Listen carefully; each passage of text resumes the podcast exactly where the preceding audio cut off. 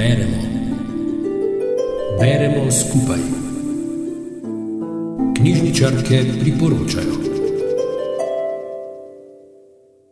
V dnevniku mladega naravoslovca nam Dara McEnulty, najstnik Severne Irske, v obliki dnevniških zapisov pripoveduje o pozornem opazovanju narave na svojem vrtu in v divjini, o opazovanju ptic, dvoživk, netopirjev in rastlin, o spreminjanju sveta okoli njega skozi vse letne čase. Njegove besede pa obenem opisujejo tudi ljubeč odnos tesno povezanih družinskih članov in razmišljanja mladega človeka. Narava je bila zanj že od malega vir vsega čudenja in radovednosti. Vsak zvok, ki so ga povzročale ptice in žuželke, je pritegnil njegovo pozornost in ga navdal željo, da bi bolje poznal vsa ta skrivnostna bitja.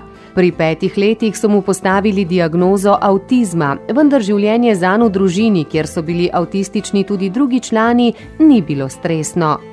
Težko pa se je bilo soočati s težavami v šoli in v komunikaciji z vrstniki. Njegovo pribežališče je bila narava. Najprej vrt okoli hiše, nato travniki, gozdovi, obvodni svet in rezervati, kamor je z družino redno odhajal. Njegova avtistična motnja mu je povzročala veliko težav, vendar ga je obdarila s posebnim občutenjem narave. Kako jo doživlja, sem najbolj začutila v naslednjem zapisu. Kadarkoli sem visoko v gorah, sam s seboj sklenem dogovor, da bom vse svoje človeške skrbi, probleme in misli pustil za seboj. Ne smejo zasenčiti moje izkušnje narave, tega kraja, Veliko napora je bilo potrebnega, da sem se tega naučil in ne uspe mi vedno, omogoča pa, da pride prav vse do mene. Usrkavam von, zvok, prhut, utrip, vse dokler ne zasede vsega prostora v moji glavi. Ljudje me sprašujejo, zakaj naravo doživljam tako intenzivno. Resnica pa je, da to, da sem jo izkusil, vem šele, ko kasneje vse zapišem.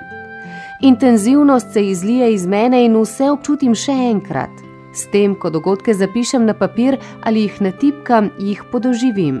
Ni mi treba veliko razmišljati o tem, vse nadrobnosti so tam v mojem spominu in to me prav vsakokrat preseneti.